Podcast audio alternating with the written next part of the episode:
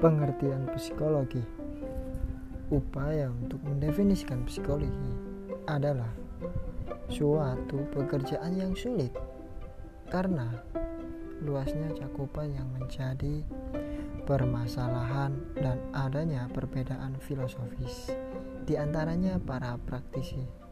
Namun, definisi umum yang biasanya digunakan adalah psikologi adalah ilmu tentang perilaku manusia dan binatang serta penerapannya pada permasalahan manusia. Psikologi sebagai suatu ilmu telah dikatakan bahwa psikologi adalah suatu ilmu. Suatu ilmu adalah suatu tubuh pengetahuan yang sistematis yang diperoleh dengan mengobservasi dan mengukur kejadian-kejadian secara hati-hati. Ahli psikologi melakukan eksperimen dan membuat observasi yang dapat diulang oleh orang lain.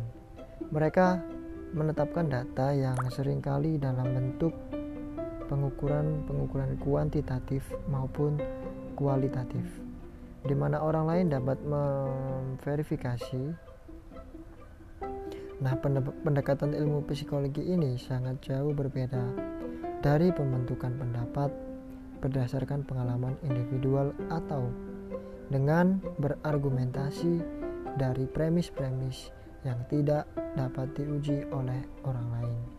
Jadi, eksperimen dan observasi adalah inti dari metode psikologi. Sebagai suatu ilmu, psikologi, adalah sistematis data dari eksperimen dan observasi adalah penting untuk membuat data itu masuk akal dalam membantu memahami kejadian-kejadian. Data-data itu harus diorganisir dalam beberapa cara. Teori-teori ilmiah adalah alat penting untuk mengorganisir fakta-fakta yang diobservasi. Teori-teori ilmiah adalah prinsip-prinsip umum yang meringkas berbagai observasi dan memprediksi apa yang diharapkan akan terjadi dalam situasi yang baru. Sebagai perangkum dan prediktor kejadian-kejadian, teori-teori ilmiah harus tidak dianggap sebagai baik atau benar, tapi hanya sekedar membantu meringkas apa yang telah diobservasi dari eksperimen yang dikerjakan. Ketika data baru diperoleh,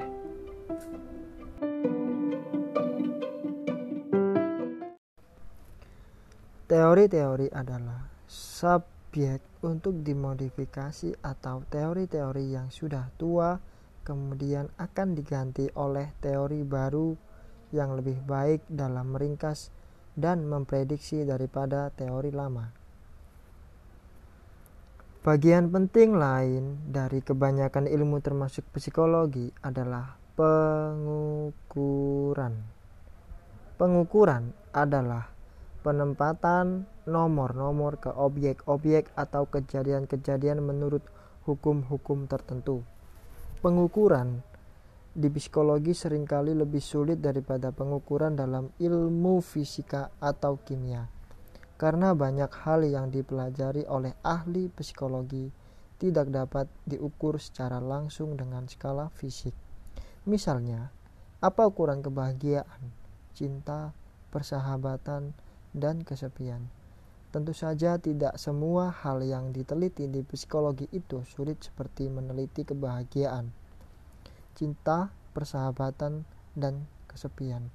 Seringkali ahli psikologi mendesain eksperimen dan mengadakan wawancara dan observasi sehingga kita dapat menggunakan pengukuran-pengukuran fisik berdasarkan ruang dan waktu untuk memberitahu kita tentang kejadian-kejadian penting.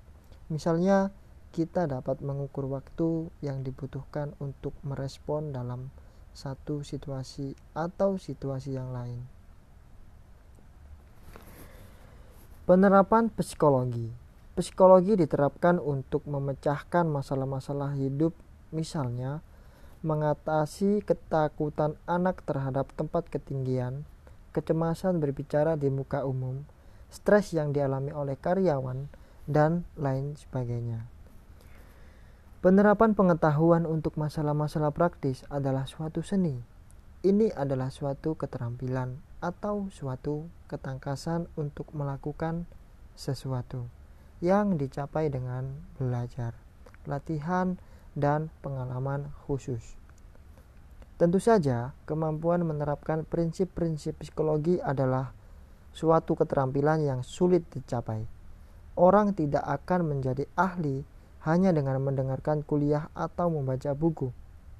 Pengalaman khusus diperlukan, tetapi setidaknya setelah membaca buku-buku psikologi, orang seharusnya dapat menerapkan prinsip-prinsip psikologi setidaknya untuk beberapa hal yang terjadi dalam kehidupan mereka sehari-hari. Psikologi adalah ilmu yang mempelajari perilaku. Perilaku itu meliputi segala sesuatu yang dilakukan oleh manusia atau binatang yang dapat diamati dalam beberapa cara. Perilaku tidak seperti pikiran atau perasaan, dapat diobservasi, dicatat, dan dipelajari kita dapat melihat dan mengukur apa yang dipelajari manusia dan mendengar dan mencatat apa yang diomongkan orang dari apa yang dilakukan dan dikatakan. Ahli psikologi dapat dan melakukan kesimpulan-kesimpulan tentang perasaan, sikap, pikiran, dan proses mental yang lain yang mungkin berada di balik perilaku. Dalam cara ini, mental internal bahkan dapat dipelajari karena mereka manifest atau muncul sendiri melalui apa yang dilakukan orang yaitu perilaku mereka. Jadi, melalui perilaku kita dapat mempelajari dan memahami proses mental internal yang mungkin disembunyikan dari kita. Ketika kita mendefinisikan psikologi sebagai the science of behavior, kita tidak dapat memasukkan pikiran, kita mengatakan apa yang dilakukan orang mengenai perilaku mereka. Hal itu merupakan suatu jalan melalui mana kejadian-kejadian mental internal dapat dipelajari. Beberapa disiplin yang memiliki studi tentang perilaku. Psikologi hanyalah salah satu cabang pengetahuan yang mempelajari perilaku manusia dan binatang. Antropologi, ekonomi, ilmu politik, geografi, dan sejarah juga mempelajari berbagai aspek perilaku. Bersama-sama dengan psikologi, lapangan ini memunculkan kelompok pengetahuan yang disebut ilmu-ilmu perilaku.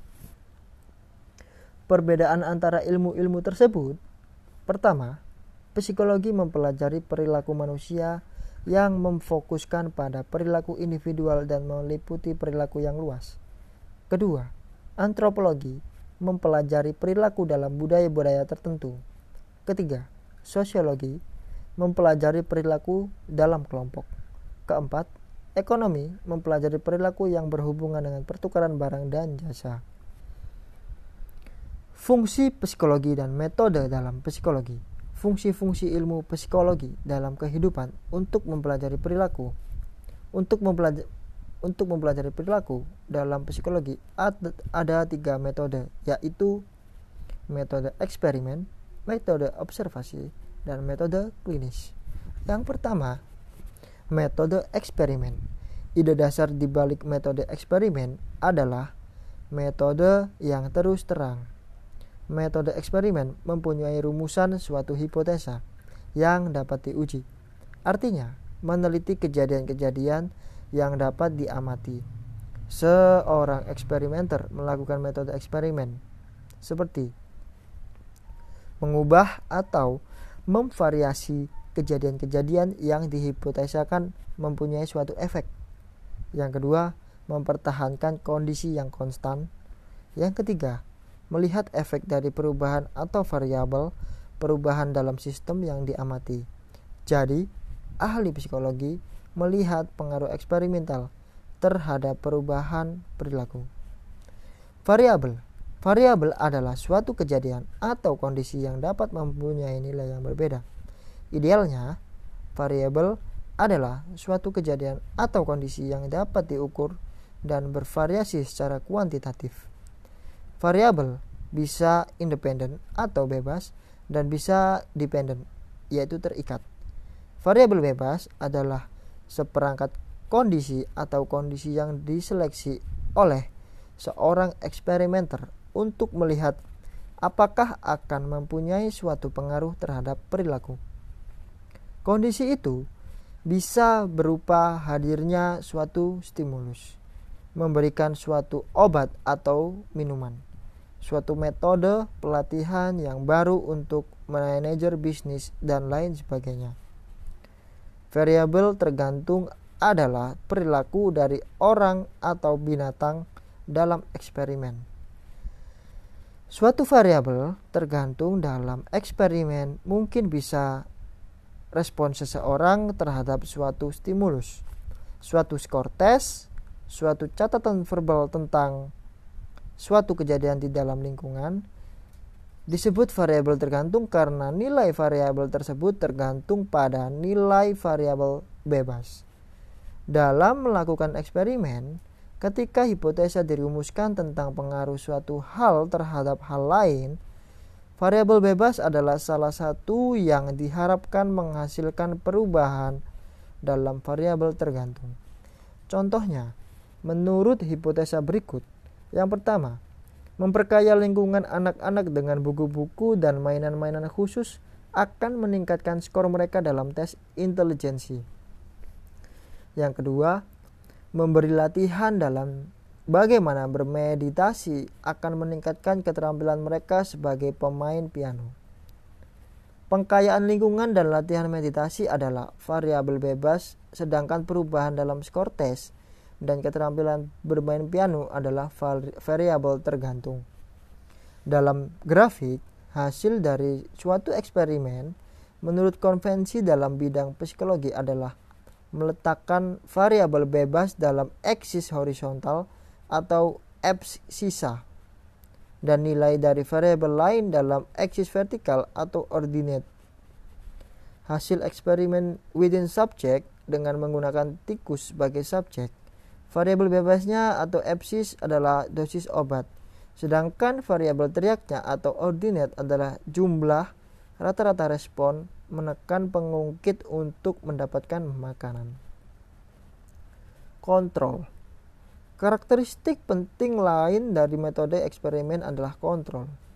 Dalam suatu eksperimen adalah penting bahwa hanya variabel-variabel bebas tertentu diizinkan untuk berubah. Faktor-faktor lain dari variabel bebas yang mungkin mempengaruhi variabel tergantung harus diusahakan tetap konstan. Dalam suatu eksperimen, kita harus mengontrol kondisi-kondisi yang akan memberi hasil yang salah. Ilmuwan harus hati-hati dalam mengontrol eksperimen mereka secara tepat Hal ini sering sulit dalam psikologi karena begitu banyak faktor dapat mempengaruhi perilaku yang sedang dipelajari. Karena itu, dalam menginterpretasi eksperimen adalah penting untuk melihat faktor-faktor yang tidak dikontrol yang mungkin mempengaruhi hasil. Ini adalah suatu tanda bagi kepuasan ilmiah untuk dapat melihat kerusakan dalam kontrol eksperimen. Kepekaan dalam melakukan kontrol juga membantu kita mengevaluasi keluhan terhadap hasil eksperimen yang sering muncul. Dua strategi utama atau dua desain eksperimental yang digunakan untuk mengontrol faktor-faktor eksternus atau variabel-variabel luar yang tidak ada hubungannya dengan eksperimen yang dilakukan. Yaitu yang pertama kontrol kelompok, yang kedua mengukur perilaku sebelum dan sesudah eksperimen. Kontrol dalam eksperimen atau kelompok kontrol.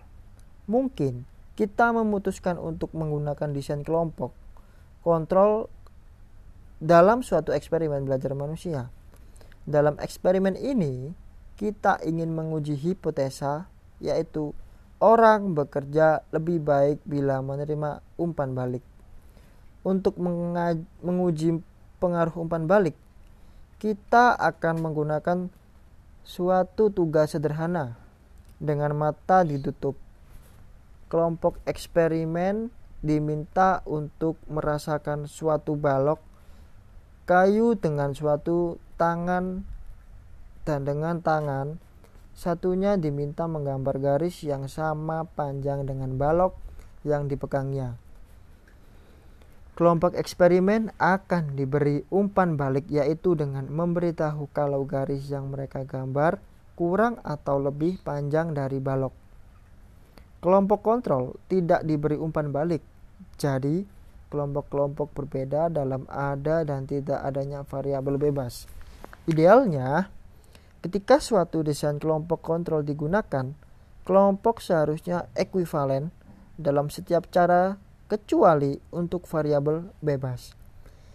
Dalam eksperimen kita, kita ingin yakin bahwa perbedaan perilaku lain dari dua kelompok adalah benar-benar hanya umpan balik, bukan hal yang lain. Kita kemudian memasangkan subjek dalam kelompok kontrol dan dalam kelompok eksperimen. Contohnya, kita meyakinkan bahwa sub cek dalam dua kelompok adalah sama adalah sama baiknya dalam keterampilan belajar hal yang baru atau kita misalnya misalnya memberi tugas-tugas awal untuk mengecek kemampuan mereka. Subjek dalam dua kelompok harus mempunyai kemampuan yang sama untuk menggambar garis. Eksperimen tidak dapat dilakukan bila dalam satu kelompok secara kebiasaan lebih akurat daripada orang dalam kelompok lain. Subjek dalam kelompok kontrol dan kelompok eksperimen dipasangkan atau secara acak ditetapkan pada kelompok-kelompok. Dalam prakteknya, sulit mencocokkan kelompok kontrol dan kelompok eksperimen pada semua faktor yang menurut pikiran mempengaruhi kinerja mereka. Seperti kita ketahui, subjek ditetapkan secara random pada kelompok eksperimen dan kelompok kontrol. Penetapan ini diharapkan akan menyamakan faktor-faktor eksternus baik dalam kelompok eksperimen maupun dalam kelompok kontrol sehingga tidak mempengaruhi hasil eksperimen. Contohnya, dalam eksperimen umpan balik diharapkan bahwa banyak orang yang tepat dengan perubahan muncul dalam eksperimen sebagai kelompok kontrol. Strategi campuran sering digunakan eksperimenter akan mencocokkan subjek dalam nomor-nomor faktor yang diperkirakan akan relevan dan kemudian menugaskan mereka para, pada kelompok eksperimen dan kontrol. Kontrol dalam eksperimen atau baseline mungkin Kontrol lebih baik dicapai dengan melakukan kontrol sebelum dan sesudah eksperimen atau disebut within subject designs di mana subjek melayani kontrol mereka sendiri. Dalam metode ini, a baseline atau tingkat normal dari perilaku ditetapkan sebelum variabel bebas dikenalkan. Perilaku setelah penambahan variabel bebas kemudian dapat dibandingkan dengan perilaku tingkat normal. Metode sebelum dan sesudah ini memberi kontrol yang baik terhadap perbedaan individual di antara subjek yang mungkin mempengaruhi hasil eksperimen karena perbedaan individual ada baik sebelum maupun sesudah variabel bebas dikenalkan. Jika faktor perbedaan individual tetap konstan, maka perubahan dalam perilaku dapat menjadi pasti karena variabel bebas. Suatu desain eksperimental before and after or within subject digunakan dalam eksperimen. Tujuh tikus dalam eksperimen pertama kali dibuat lapar dengan membatasi jumlah makan yang diberikan. Kemudian mereka dilatih untuk menekan pengungkit yang menonjol di lantai kandang, di mana tiap tekanan akan menghadirkan sebutir kecil makanan. Setelah tikus-tikus itu terlatih baik, jumlah tekanan pengungkit dalam 15 menit dicatat. Ini memberi data baseline atau data dasar. Langkah selanjutnya dalam eksperimen untuk mengenalkan variabel bebas, memberi injeksi berbagai dosis obat. Masing-masing tikus diinjeksi dengan satu dari dosis itu atau diseleksi secara random. Kemudian memberikan tikus-tikus itu menekan pengungkit selama 15 menit. Dua hari kemudian, dosis lain diberikan.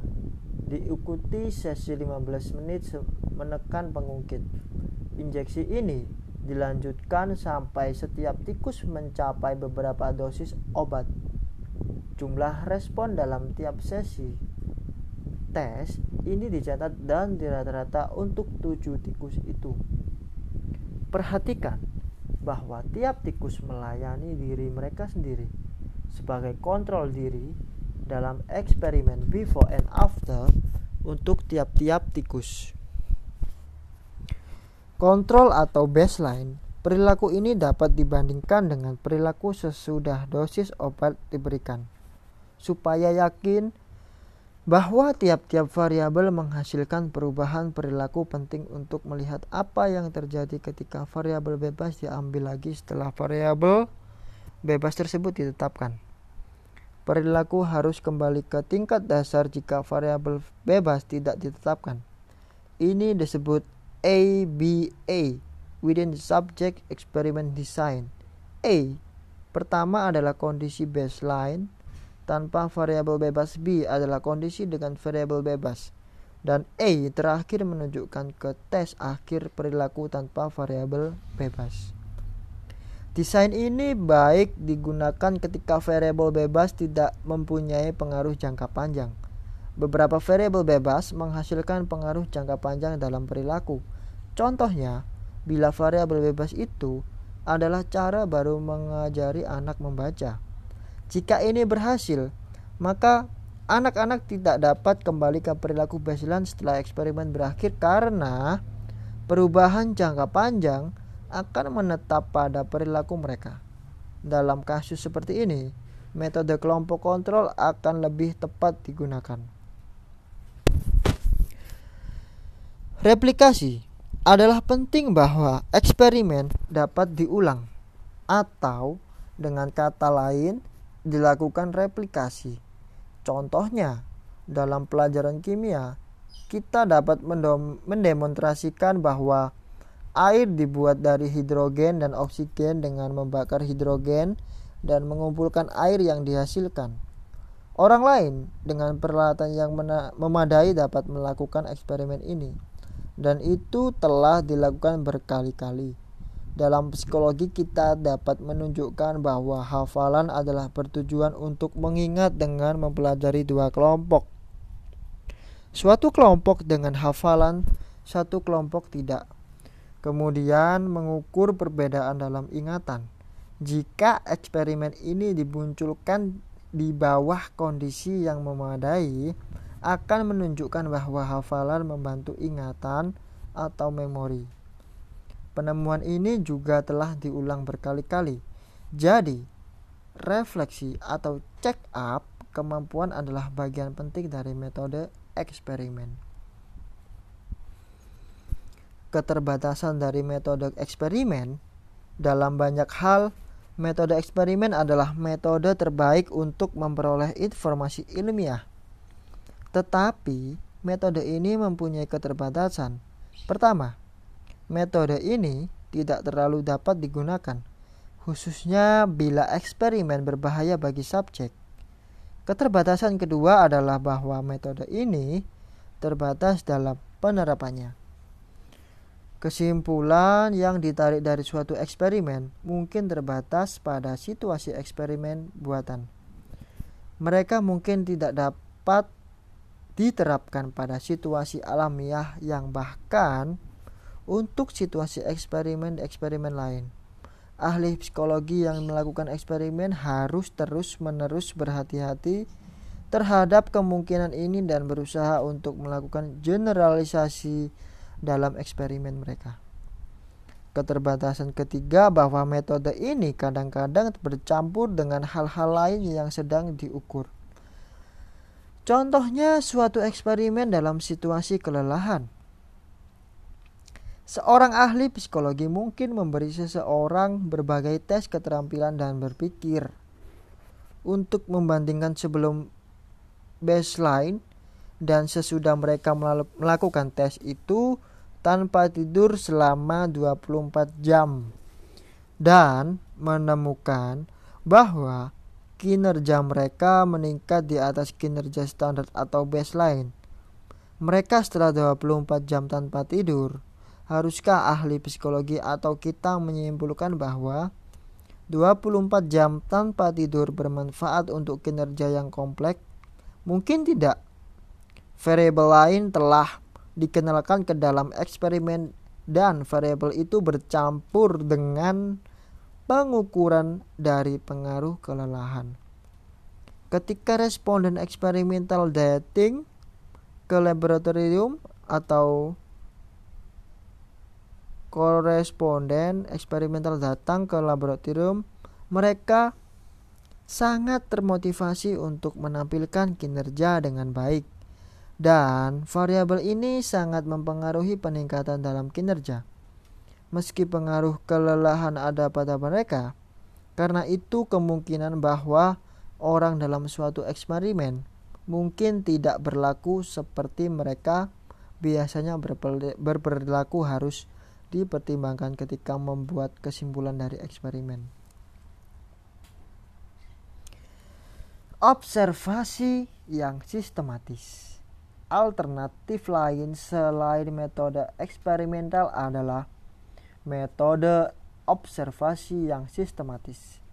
Pendekatan ini sama dengan metode eksperimen dalam hal variabel-variabel yang diukur, tetapi bahwa perbedaannya adalah peneliti tidak dengan sengaja memanipulasi variabel bebas. Mereka juga menulis dengan huruf besar variasi-variasi yang terjadi secara ilmiah. Dengan menggunakan metode ini, peneliti psikologi membuat studi yang paling tepat dan paling sistematis dari perilaku yang terjadi secara alamiah. Setelah pembuatan sejumlah observasi, ahli psikologi dapat mem mempergunakan hukum-hukum logika tertentu mencoba menyimpulkan sebab sebab perilaku yang dipelajari. Psikologi berbagai pendeka, berbagai pendekatan ini dengan sejumlah ilmuwan lain. Misalnya dengan ahli antropologi. Menguraikan perilaku. Salah satu aspek dalam metode observasi sistematik dalam psikologi adalah menguraikan perilaku bagaimana perilaku itu terjadi secara alamiah apa yang orang lakukan, dapatkah berbagai perilaku diklasifikasi dalam cara yang sistematis. Bagaimana orang berbeda dalam perilaku mereka. Contohnya, dengan menggunakan kuesioner, survei dan wawancara. Hal ini psikologi bisa mempelajari kepribadian dan pola-pola motivasional dari pemimpin politik. Sikap eksekutif yang sukses atau gagasan dari orang tua yang liberal dan konservatif tentang cara terbaik menjadi atau mendidik anak. Penggunaan teknik lain, ahli psikologi riset membuat observasi yang sistematis tentang perbedaan dalam aktivitas otak dari orang yang kreatif dengan orang yang tidak kreatif dan sebagainya. Observasi intensif yang dilakukan dalam perilaku membawa buku pada siswa-siswa di Montana, Ontario, El Salvador, dan Costa Rica. Perilaku dikelompokkan dalam dua pola. Jenis pola pertama berisi tentang membawa satu buku atau buku-buku dengan membelitkan atau melilitkan di lengan bawah dan menyangga buku ke tubuh letak buku vertikal. Pola tipe kedua adalah membawa buku atau buku-buku ke sebelah tubuh dengan letak buku horizontal. Antara 90% sampai 95% dari wanita membawa buku dengan pola pertama dan 90% sampai 50 50% dari pria membawa buku dengan pola kedua. Dari deskripsi ke sebab-sebab. Metode observasi yang sistematis memberitahu kita apa yang orang lakukan dan bagaimana orang berbeda dalam perilaku. Tetapi detektif psikologi yang mempergunakan metode observasi yang sistematis mungkin juga berusaha menemukan apa sebab-sebab dari perilaku yang diobservasi. Jadi, ahli psikologi dan ahli-ahli lain sering tidak puas dengan jawaban pertanyaan tentang apa yang terjadi. Mereka ingin menemukan sebab-sebab untuk observasi mereka, sehingga mereka dapat menjawab pertanyaan tentang mengapa sesuatu terjadi. Melihat pada observasi dalam membawa buku, mengapa wanita membawa buku pada pinggul dan pada pria di samping tubuh. Apakah ini karena perbedaan dalam anatomi tubuh pria dan wanita? Apakah karena mereka mempelajari perilaku ini dari orang lain pada gender yang sama? Atau adakah faktor lain? Suat, satu petunjuk sebagai penyebab perilaku khusus ini dat datang dari mengobservasi pemuda dan pemudi pada usia di mana perbedaan pria wanita dalam membawa buku mulai. Di tingkat 2 dan 3, pemuda dan pemudi mulai membawa buku dengan cara yang berbeda. Dan pada usia ini, proporsi tubuh pria dan wanita secara esensial identik. Tapi tentu saja observasi ini tidak menetapkan penyebab-penyebab perilaku. Faktor-faktor yang tidak diketahui dan diselidiki mungkin menjadi penyebab, atau mungkin penyebabnya adalah kombinasi dari faktor-faktor tersebut. Semua observasi ini benar-benar menunjukkan adalah suatu hubungan atau korelasi antara tingkat dalam sekolah atau usia dan permulaan pola pria dan wanita. Kenyataan bahwa suatu kejadian datang dari kejadian lain tidak menunjukkan bahwa kejadian pertama adalah penyebab keja kejadian yang selanjutnya. Tambahan, suatu perilaku mungkin punya banyak penyebab. Jadi, untuk menetapkan suatu penyebab suatu kejadian, meski itu perilaku yang sederhana, observasi yang lebih banyak diperlukan meski kemudian kita tidak begitu yakin tentang penyebab itu kita hanya mengidentifikasi sesuatu yang mungkin penyebab atau serangkaian penyebab. Untuk perilaku yang lebih kompleks, penetapan sebab-sebab lebih sulit. Misalnya, ahli psikologi ingin mengetahui penyebab munculnya skizofrenia. Simptom-simptom skizofrenia adalah pola-pola pikiran dan perilaku yang ganjil, respon emosi yang tidak dapat dan mungkin halusinasi dan delusi atau secara identik ini adalah bukan split personality atau kepribadian terbelah.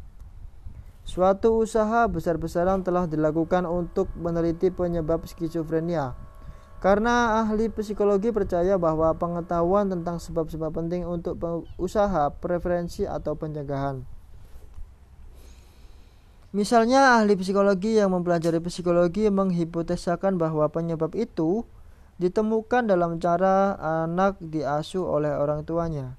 Dengan menggunakan metode observasi yang sistematik, peneliti akan mencoba menguji hipotesa ini dengan membandingkan cara dalam dalam dalam mana orang yang skizofrenia dan orang yang normal diasuh. Untuk melakukan ini, mereka akan mencocokkan kelompok skizofrenia dalam berbagai faktor sebanyak mungkin. Misalnya, misalnya usia, status sosial ekonomi, lama sekolah, intelijensi dan sebagainya. Kemudian mereka akan melihat perbedaan dalam praktek praktek membesarkan anak dari orang tua, dari orang tua skizofrenia dan orang tua dari orang yang normal. Dengan menggunakan strategi ini secara tepat, ahli psikologi menemukan perbedaan, tetapi perbedaan ini tidak dengan sendirinya menentukan penyebab. Faktor-faktor lain dan interaksinya dengan pengasuhan mungkin menjadi penyebab. Observasi besar lagi perlu dilakukan sebelum sebab-sebab dari skizofrenia dapat ditemukan. Metode-metode oh sorry, penemuan sebab-sebab perilaku dari sejumlah observasi disebut inductive reasoning atau menetapkan prinsip-prinsip umum dari dari contoh khusus untuk mencoba menemukan penyebab suatu perilaku. Kita harus melihat secara hati-hati pada hasil berbagai observasi dan eksperimen. Mencatat pengaruh suatu faktor tertentu atau yang disebut faktor X pada perilaku tertentu yang dipelajari. Jika kita menemukan bahwa perilaku selalu terjadi ketika faktor X ada dan tidak pernah terjadi bila faktor X tidak ada, kita dapat mulai membuat suatu kasus untuk faktor X sebagai penyebab perilaku. Lebih jauh lagi, katakan kita menemukan sejumlah besar dari faktor X mengarah ke perubahan yang besar dalam perilaku ketika diteliti. Sedangkan jumlah kecil dari faktor mengarah ke perubahan yang kecil. Dengan kata lain, kita menemukan bahwa Faktor X sebagai kuantitatif berhubungan dengan perilaku yang kita pelajari. Dengan demikian, argumentasi kita bahwa faktor X sebagai penyebab menjadi lebih kuat.